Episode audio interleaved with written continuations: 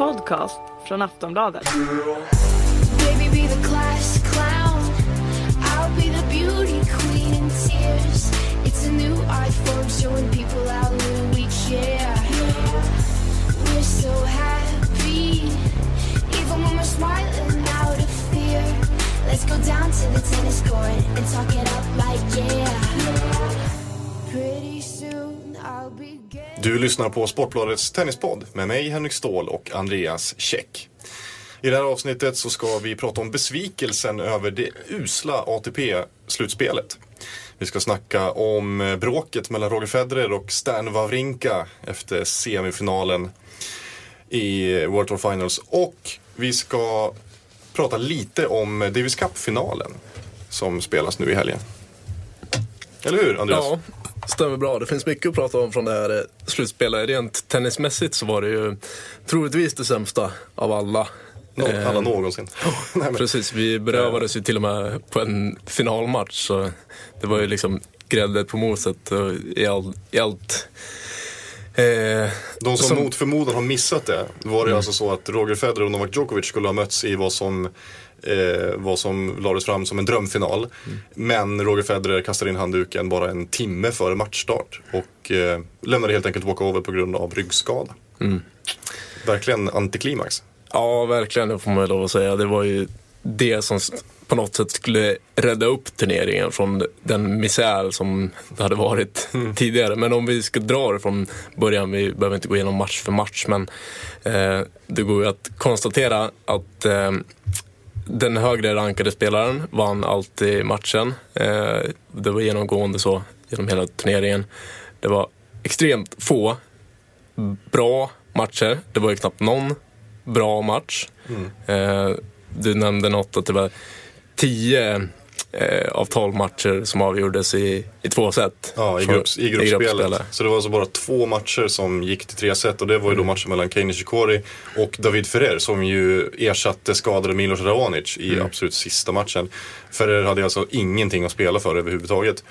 Och eh, sen var det alltså då matchen mellan Wawrinka och Marin Cilic som gick till tre set. Och det var de enda i hela gruppspelet. Och det, man ska ju också nämna det att Djokovic, han körde ju verkligen över alla spelare i, i sin grupp, i grupp A. Eh, Federer snudd på samma, framförallt det som sticker ut där det var ju hans match mot Andy Murray som han vann 6-0, 6-1. Och där det liksom var, han, Federer mer eller mindre erkände att han gav bort ett game för att han tyckte att det kändes liksom eh, jag kommer inte ihåg exakt vad han sa men att här, det, det känns aldrig kul att vinna matchen med 6-0, 6-0.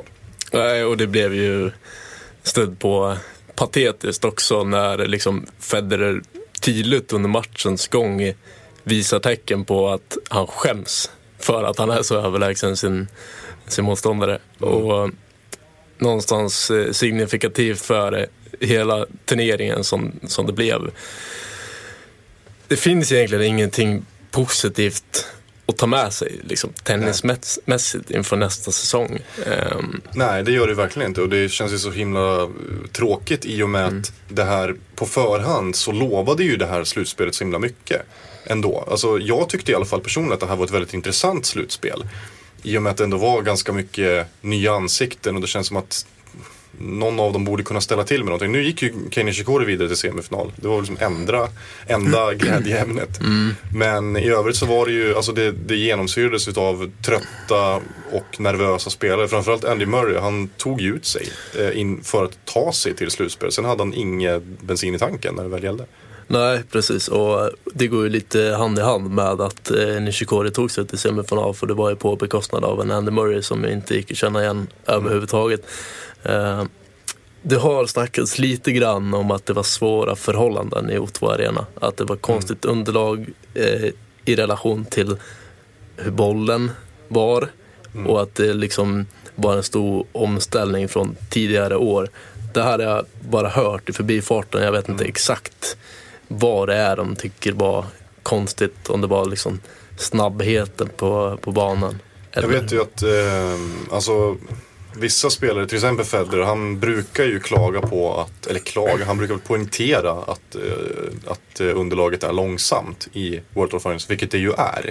Men eh, eh, arrangörerna försvarade sig ju med att underlaget var exakt detsamma som förra året. Sen vet ju inte faktiskt jag om de har bytt bollar. För det, kan ju på, det, kan ju, det påverkar ju jättemycket vad du har för typ av bollar.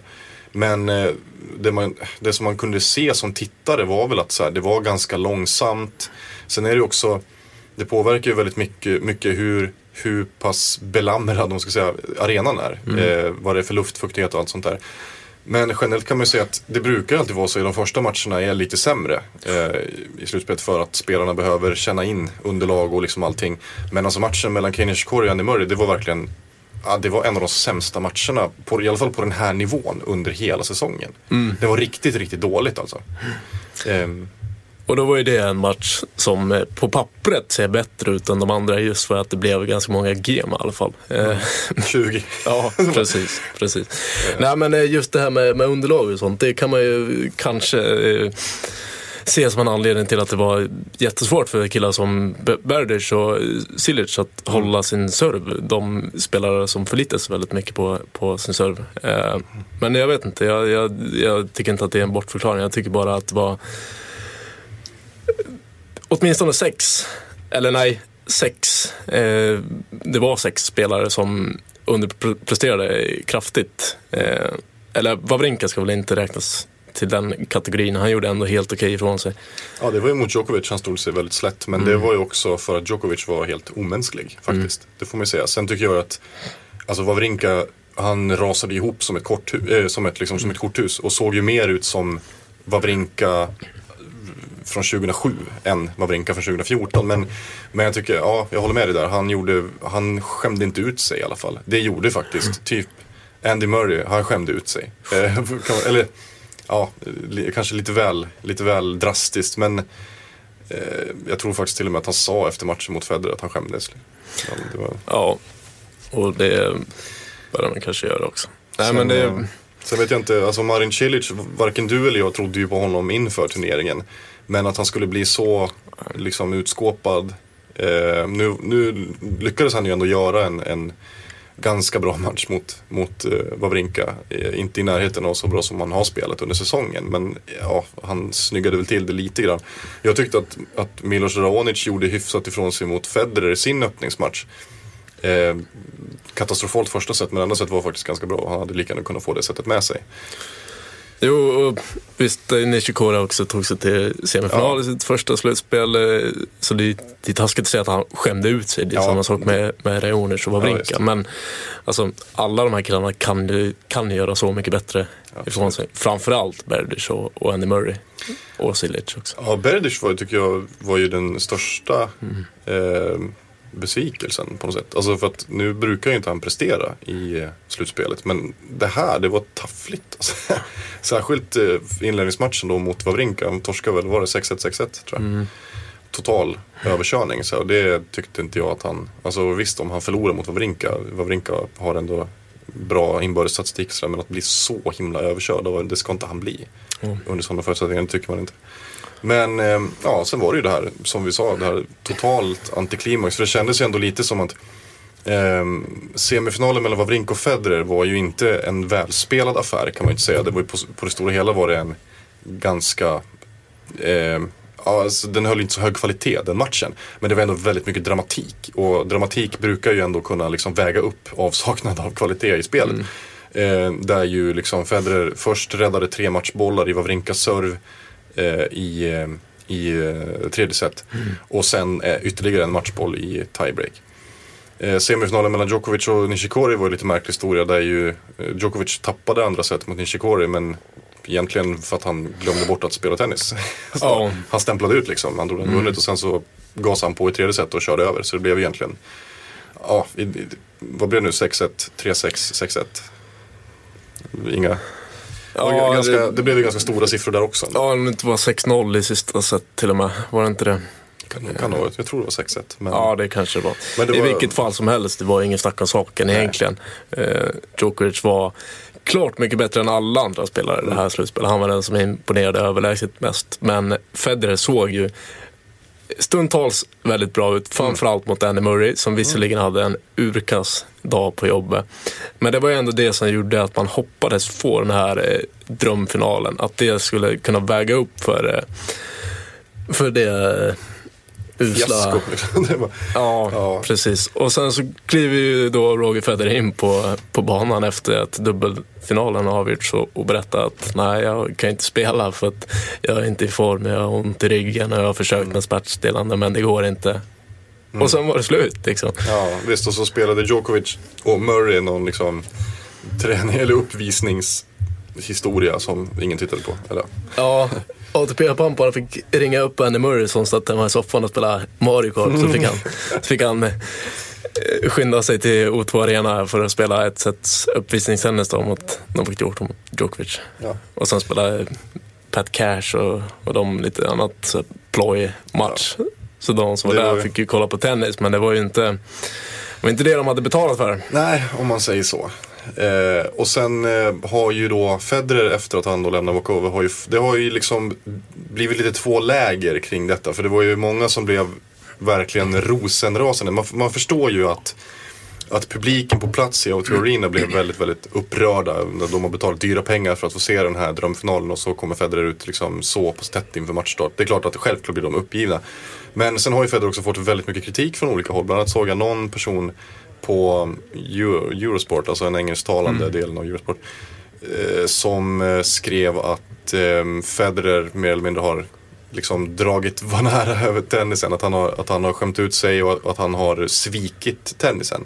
Det skapar ju väldigt mycket re- reaktioner och det har varit flera som har liksom avfärdat den kritiken. Men eh, det ska väl ändå nämnas att det är många som tycker att Federer eh, att det var fel av honom. Att han borde ha bitit ihop, tagit lite smärtstillande och kört på. Eh, och där är det de, de liksom skarpaste kritikerna, bland annat då den här Eurosport-skribenten eh, skrev att han menar att, att eh, Federer Eftersom Federer sa att I cannot compete with Djokovic on this level så menar han, det tolkar han som att Federer trodde inte att han kunde vinna mot Djokovic och därför spelar han inte. Om det hade varit Wawrinka i, eller förlåt, om det hade varit Nishikori i final så hade han liksom gett en chans, menar då den här, de här kritikerna. Jag vet inte. Ehm, nämnas i sammanhanget bara väl att det här var typ den tredje matchen i hela Fed, under hela Federers karriär som han någonsin har lämnat walkover inför en match. Han har liksom spelat över 1200 matcher. Så att, mm. Ja, det finns ju två sidor av, av myntet här. Eh, det ena som, som du är inne på att eh, det går ju att, tolka det som att han insåg att eh, just idag så, så kommer jag inte ha en chans att vinna mot eh, Djokovic. Hade han varit fullt frisk så hade han haft kanske 20% chans att vinna mot Djokovic. Enligt mina, mina ögon och, och se på saken i, med den form man var i och så vidare. Och så vidare. Och så hade han en liten känning i ryggen och eh, kände att det var inte värt att riskera. Han nämnde något om sin höga ålder, att det vore att ta en risk. Men man ska komma ihåg att det är en Cup, eller en Davis Cup-final som ska spelas nu till helgen. Eh, den titel som, som Federer saknar.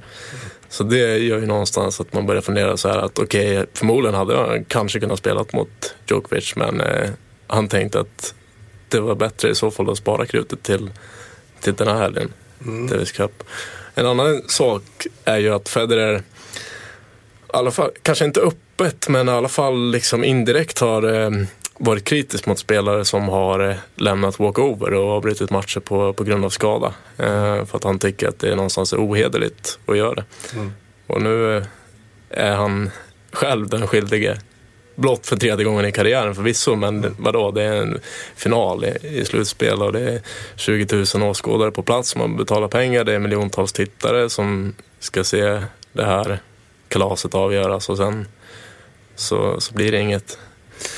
Det är svårt att, svårt att liksom döma ut honom och säga att, att det var ett dåligt beslut, för man vet ju inte hur mycket smärtor han har i sin rygg. Nej. Och det är ju något han har haft problem med tidigare. Så är det allvarligt så förstår man ju verkligen att han inte vill riskera något.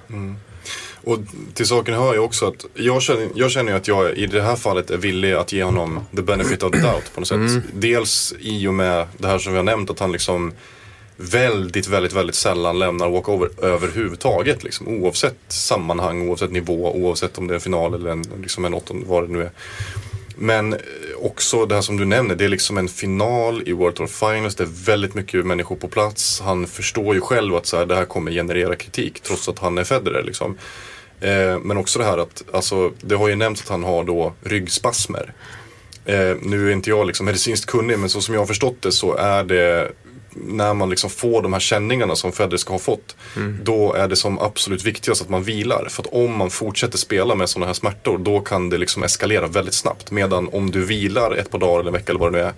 Så kan det liksom, ja det är mycket lättare att rehabilitera sig. Och då är det klart att den cyniska eh, tänker väl att Federer gjorde övervägandet där, okej är det värt att riskera Davis Cup-finalen för det här? Och det är möj- mycket möjligt att han tänker så och jag tycker inte heller att det är fel. För att jag menar, tänk om han spelar World Tour, om han hade spelat den här World Tour Finals-matchen och eh, finalen och gjort sitt bästa. Men sen hade han varit tvungen att liksom, ehm, du vet, inte spela Davis Cup och allt vad det innebär för, för Schweiz landslag. Men det hade ju också kunnat påverka han, hans inledning på 2015.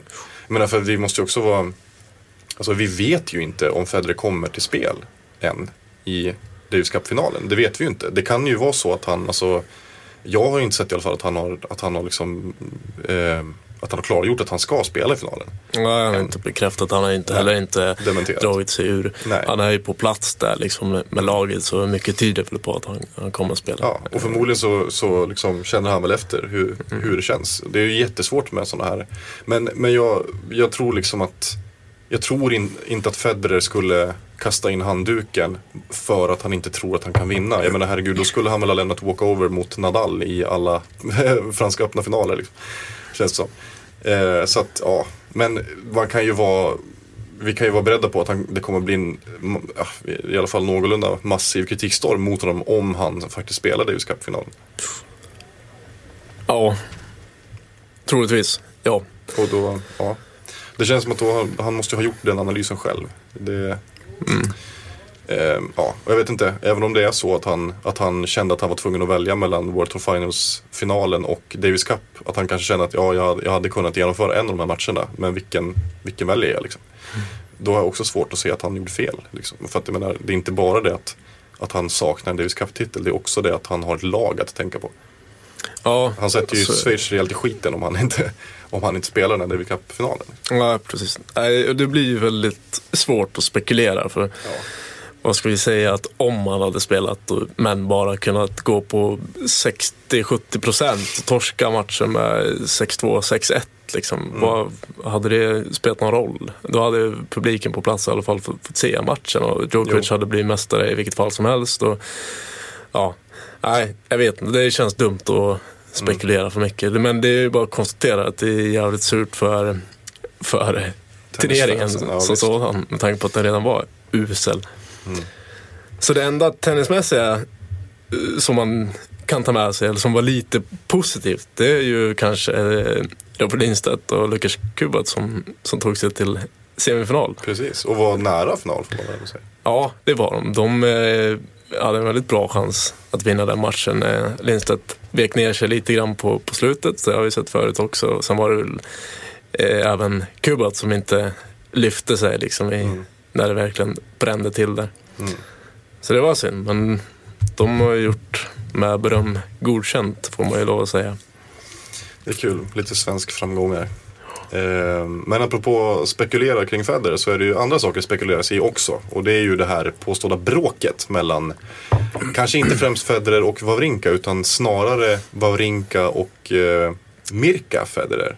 I alla fall Federers, Federers box eh, under semifinalen. Har du lust att dra den, den, den historien? Ja, det kom lite som en blixt från eh, klar himmel när eh, Mr John McEnroe i eh, direktsändning i ESPN gick ut och berättade för tv-publiken att Roger Federer minsann hade ryckt ihop med Sam Wawrinka efter semifinalmatchen. Det här berättade McEnroe under kvällen då när finalen skulle ha spelats. Och eh, för alla som såg matchen mellan Federer och Wawrinka så är det ju lätt att minnas att eh, det hettade till där i slutet av matchen. Eh, Wawrinka var irriterad på någon eller några som satt på läktaren som han tyckte störde honom under matchen. Och eh, i efterhand så känns det väl som att det klarnat mer och mer att det var just Mirka, alltså Roger Federers fru, som han var förbannad på. Och det är ju de som har analyserat det här i efterhand och översatt det som Wawrinka sagt på franska och på engelska där han bland annat sa att eh, det är inte första gången det händer. Hon gjorde samma sak i Wimbledon i somras. Och det här sa ni alltså till domaren, fransktalande domaren, Cedric Moyer, Ja, under matchens gång. Ehm, ja, och han har ju bekräftat det också. Nu finns det ju liksom tv-bilder eh, som man i efterhand har plockat fram när man har översatt det här. Som de. Men, men Cedric har ju också eh, bekräftat det. Att Wawrinka, han har väl inte sagt rakt ut att det var just Mirka han pratade om. Han har i alla fall bekräftat att ja, precis. Nej, det har han gjort. Det inte gjort. Men det, det som var är att eh, det var någon som störde honom eh, precis eh, innan han skulle serva. Eller om det var när han skulle returnera. Ja, andra gången så var det när han skulle returnera för då avbröt ju Wawrinka Federers serv. Och så vände han sig någonstans i publiken som man då menar var Federers box och sa inte under serven, inte under serven. Och sen liksom, och, sen, och då var det, och, och då domaren Låt oss se så blev det lite, det blev ju lite stojigt, det blev lite stimmigt där och publiken började bua och lite sådär. Så att man fatt, även när vi tittade, vi fattade ju. Jag eh, förstod ju inte, dels för att jag inte förstod vad han sa som han pratar franska, jag inte kan franska. Jag trodde att det var domaren han vände sig till och eh, så här, bad domaren säga åt någon på läktaren. För det är ofta så att det händer att folk på läktaren sitter och har blixt igång, vilket stör. Liksom. Eh, men jag uppfattade inte att det var Federers box, men det hade han ju tydligen gjort, att han vänt sig mot Federers box. Och det var ju efter det skedet, efter den här andra tillsägelsen från Wawrinka som då Wawrinka och domaren hade ett prat i sidbytet. Och att Wawrinka då sa hon gjorde samma sak i Wimbledon. Ja, just det, just det. Och det var efter den andra gången som eh, Wawrinka skrek högt på engelska, förmodligen bara för att visa eh, så alla kunde höra liksom att eh, han hade fog för att vara upprörd. Han sa “not just before the serve”.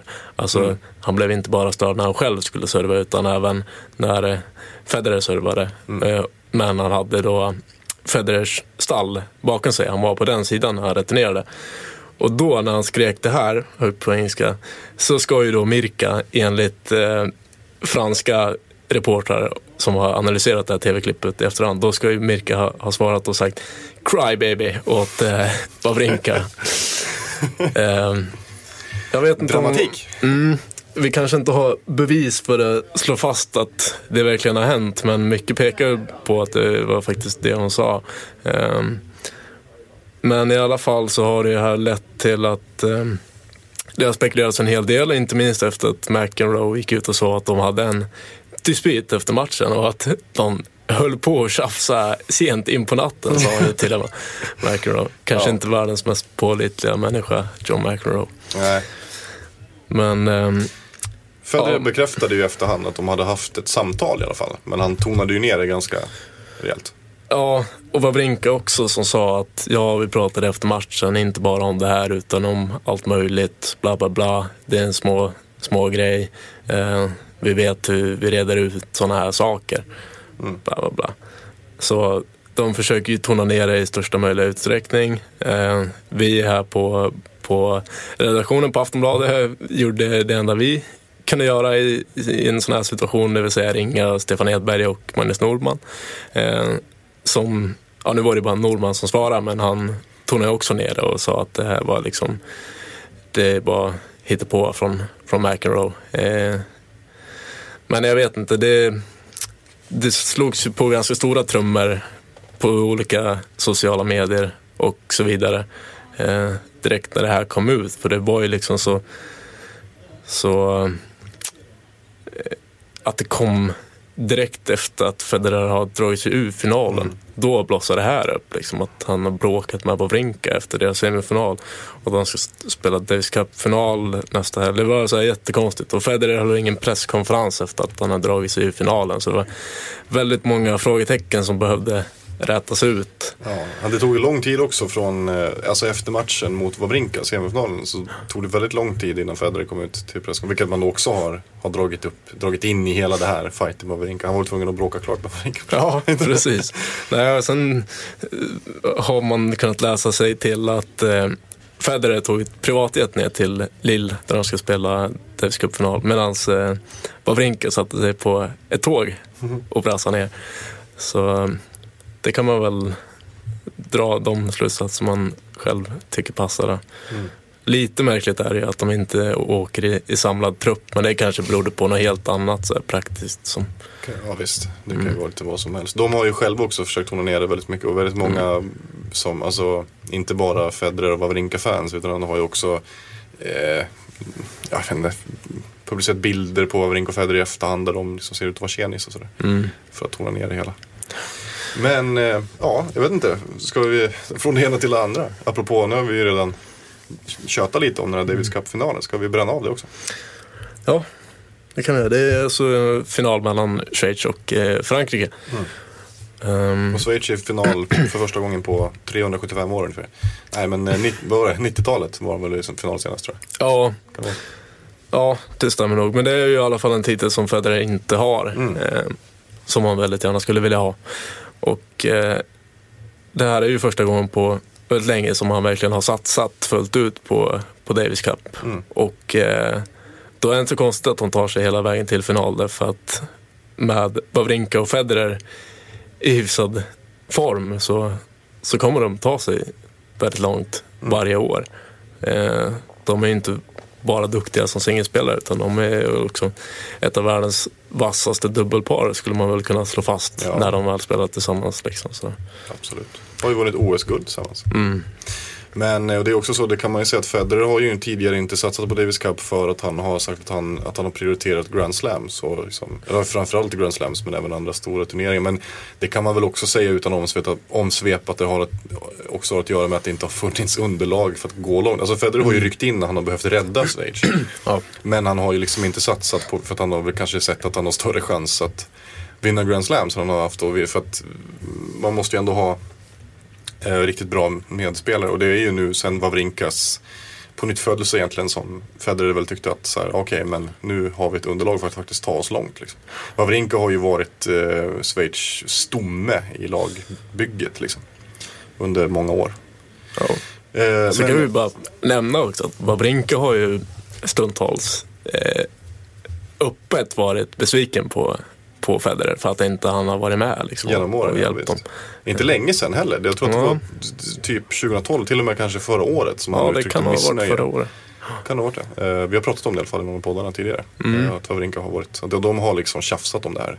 Eh, Apropå deras tjafs här, är- ja, deras påstådda tjafs. kul i alla fall. Rolig Mm. final, eh, Schweiz-Frankrike, tycker jag i alla fall. Nu har ju inte Frankrike de formstarkaste spelarna i sitt lag. Eh, medan, alltså Wawrinka, om nu Federer har liksom återhämtat sig efter, efter det här debaclet i, i World Tour Finals. Så är ju ett Schweiz, Schweiz med liksom Wawrinka och Federer i hyfsat god form, vilket de ändå har visat sig vara, eh, klara favoriter. Trots att det spelas i Frankrike. Ja, det är de ju. Ehm, spelas på, på, på grus också, men det är både Federer och Wawrinka är ju bra på grus också, så det är inget snack om saken. Eh, Nej, och det, det är inte som att, det känns ju inte som att Frankrike eh, gynnas jättemycket av grus. Det är Nej. väl snarare ett, ett försök att få det att missgynna Federer då, Jo. skulle man väl kunna se. Men eh, hur som helst så kan vi bara konstatera att eh, franska truppen eh, består av Songa, Gasquet, Beneteau och eh, Monfils. Monfils, precis. Eh, Gilles Simon finns inte med. Kan tänka mig att han själv är lite besviken med tanke på att han har haft en ganska bra höst så att han brukar kunna stå upp rätt bra mot just eh, Federer och så i singelspel. Men eh, jag hade nog gjort samma laguttagning eh, för eh, Monfils, Songa, alltså det är killar man gärna har i en sån här typ av match. Liksom, där det, Beneteau är ju rutinerad dubbelspel. Ja. Eller i alla fall här, i sammanhanget rutinerad dubbelspel. Han är ju mer rutinerad än, än Simon till exempel. ja, Eh, så att ja, det, är det är väl, var väl ganska väntad laguttagning. Sen är det Mm. väl, alltså det, visst känns det väl som att eh, Gasquet är svaga kortet. Det är ju Tsonga och Monfils de kommer satsa på. Det är de som har störst chans egentligen. För att, och det har väl inte egentligen med Gasquets generella kapacitet att göra. Det är ju mer att han har haft ett väldigt skadedrabbat, han har varit väldigt skadedrabbad den här säsongen. Ehm, så att, ja. Man eh, kan väl anta att det är Tsonga och eh, Monfils som ska bära det här laget på något sätt. Ja.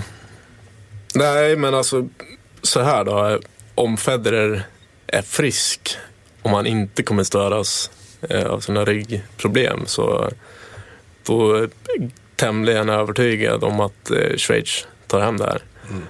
Jag tror att Federer vill så gärna vinna det här och de kommer liksom ge allt.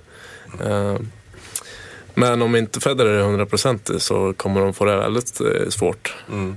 Därför att alla vet vad fransmän kan göra inför sin egen hemmapublik och det är extra liksom hype så när det är ett landslag och Davis Cup. Och, Mm, och sen så- också att eh, Tsonga har ju till exempel ändå visat hyfsat, alltså det är klart att det känns väl som att eh, Toronto var väl en, en, en isolerad händelse på något sätt. Med att så bra har han inte spelat varken före eller efter under den här säsongen. Men har ändå så visat hyfsat, hyfsad form efter ett riktigt, riktigt svagt år generellt. Utan ändå börjar komma tillbaka lite. Så det är klart att han, han kan ju stå upp mot Wawrinka och Federer. Och han, är också, han har också förbättrat sitt spel avsevärt på grus under de senaste åren. Eh, Monfils, det har ju visat gång på gång i år att han, att han verkligen kan vara med och lira på den här nivån och liksom utmana alla stora spelare. Eh, vi vet ju också att Wawrinka har fortfarande sina nerver. Och särskilt här om de går in som favoriter. Det kan ju störa Wawrinka enormt mentalt. Han är inte så förtjust i att vara favorit, han vill gärna vara underdog. Funkar bättre för honom. Ja, det är lite så här eh, uppdukat nu på ett silverfat att eh, här har ju Schweiz och Roger Federer framförallt eh, sin chans att verkligen se till att ta hem den här titeln. Mm. Wawrinka han saknar också den här titeln men det är liksom framförallt Federer för att liksom få sitt troféskåp fulländat på något sätt. Mm. eh, Alltså nu är det bara OS-guldet i Rio 2016 han ska ta då. ja, Då, då är det helt fulländat. Jo, exakt, exakt. Nej, men eh, så det är ju minst sagt bra slagläge för Frankrike på så vis att eh, de kan komma in här som underdogs inför sin egen hemmapublik och göra det väldigt eh, problematiskt för Ja, man, kan, man kan absolut inte man kan absolut inte räkna ut dem. Nej, Det kan man herregud. verkligen inte. Dels som du säger att det inför hemmapublik eh, inför, hemma, alltså, inför en fransk hemmapublik också. Det är så här, Den franska publiken är ju ökänd. Eh, och dessutom, det är verkligen inga blåbär, de här spelarna som, som de ställer upp med. Så att visst har de chans. Men det, det är en fråga lite grann taktiskt hur de lägger upp det. Man kan ju tänka sig att om om Wawrinka och Federer vinner sina inledande singelmatcher, eh, hur sätter de då ihop eh, dubben? Kommer Wawrinka och Federer få spela den dubben då eller blir det snarare då eh, tredje, alltså Chudinelli är det väl som brukar spela med Wawrinka i dubben och sen tänka att ah, ja men torskar de den så kan ju Federer ta sin nästa singelmatch liksom. Ehm, där är det väl så här, det, det som blir spännande det är ju typ om Wawrinka skulle torska sin öppningsmatch mot vem det nu blir. Eh, och att Federer vinner sin, det står 1-1 inför dubbelmatchen. För då kan ju ändå den där dubbelmatchen bli helt avgörande. Eh, så det blir ju lite spännande ändå att se hur, hur den schweiziska lagkaptenen väljer att matcha sitt lag. Så att ja, ja men det, jag tycker, tycker ändå, alltså den här finalen är ju betydligt mer intressant eh, på pappret än vad förra årets final var. Ja, Verkligen. definitivt. Nej, Och sen så känns det lite extra, för om jag ska vara helt ärlig så det var inte så att jag gick liksom och suktade efter den här Davis Cup-finalen. Men nu när man berövades på, på ett slutspel som man ju kan säga att vi, vi gjorde, då får man ju lite mer sug för det här i alla fall. Det här kan ju verkligen. sätta punkt på ett tennisår som i ärlighetens namn har varit sisådär. Ja men absolut. Och det är, ja, jag tror att alla lyssnare vet att jag inte är något stort fan av Davis Cup överhuvudtaget. Men eh, det här är nog första gången på ganska länge som jag är, är lite peppad. Just av samma anledning som du säger. Liksom att eh, World of Finals blev en sån otrolig besvikelse. Ja. Och att säsongen har varit intressant generellt. Men, men alltså avslutningen på året var inte mycket att hänga i julgranen. Och därför så vore det det vore lägligt med, med en riktigt dramatisk, gastkramande, rafflig, eller liksom rafflande eh, Davis Cup-final. Ja, det hade varit skönt att få något slags värdigt avslut. i och det, är ändå, det är ändå en, en väldigt profilrik final. För det får man, alltså, Tjeckien i all ära, men det är inte superkul när, när liksom häftigaste spelaren i laget är Tomas Berdych. Och sen är det liksom Radek Stepanek och liksom Mm. Lukas Rosol. Det är inte jättehäftiga namn. Förra året var det ju bara Novak Djokovic och han, det som Serbien var utdömda på förhand. Så var det ju. Eh, så att det är ju roligare med en lite mer profilstark final som det är i år. Och ett lag, ett, ett, liksom, ett lag som faktiskt har chans att slå favoriten. Så. Det, för att förra året kändes det som att så här, nej, men Novak Djokovic kan inte vinna den här finalen själv. Och det finns ingen annan som kan vinna den åt honom. Typ så. Så att, men nu känns det ändå som att ja, det finns absolut en god chans för Frankrike att ta det här. Ja, har vi något att tillägga Andreas? Nej, jag vet faktiskt inte. Vi väljer att skippa vår eh, nördkoll den här gången. Eller spara den. Spara. Vi har Spara. massa härliga nördkollar att se fram emot framöver. För nu kör vi, det får ju bli en liten, eh, vi får ju redogöra för Davis Cup här nu då, någon gång i nästa vecka. Sen eh, när säsongen väl är över på riktigt så kommer vi ändå bjuda på härliga grejer. Si, Vi ska sia 2015 och vi ska såklart göra säsongsbokslut för 2014 och så vidare och så vidare. Så att podden kommer inte att hamna i dvala igen i alla fall. Nej, Kan vi väl lova. det kan vi lova. Nej, så Ja. det är väl bara eh, Davis Cup-finalen sänds i eh, Seymour. Så alla vet det också. Eh, Så lovar vi att återkomma med någon podd eh, efteråt, när den är färdigspelad. Absolut. Grymt. Då tackar vi för oss för den här gången. Du har lyssnat på Sportbladets tennispodd med mig Henrik Ståhl och Andreas Käck. Om du vill höra av dig till oss med frågor eller förslag på ämnen att ta upp så kan du göra det antingen via mail och då är det fornamn.efternamn aftonbladet.se eller via Twitter och då förslagsvis under hashtaggen Tennispodden i ett ord. Ansvarig utgivare är Jan Helin. Hej då!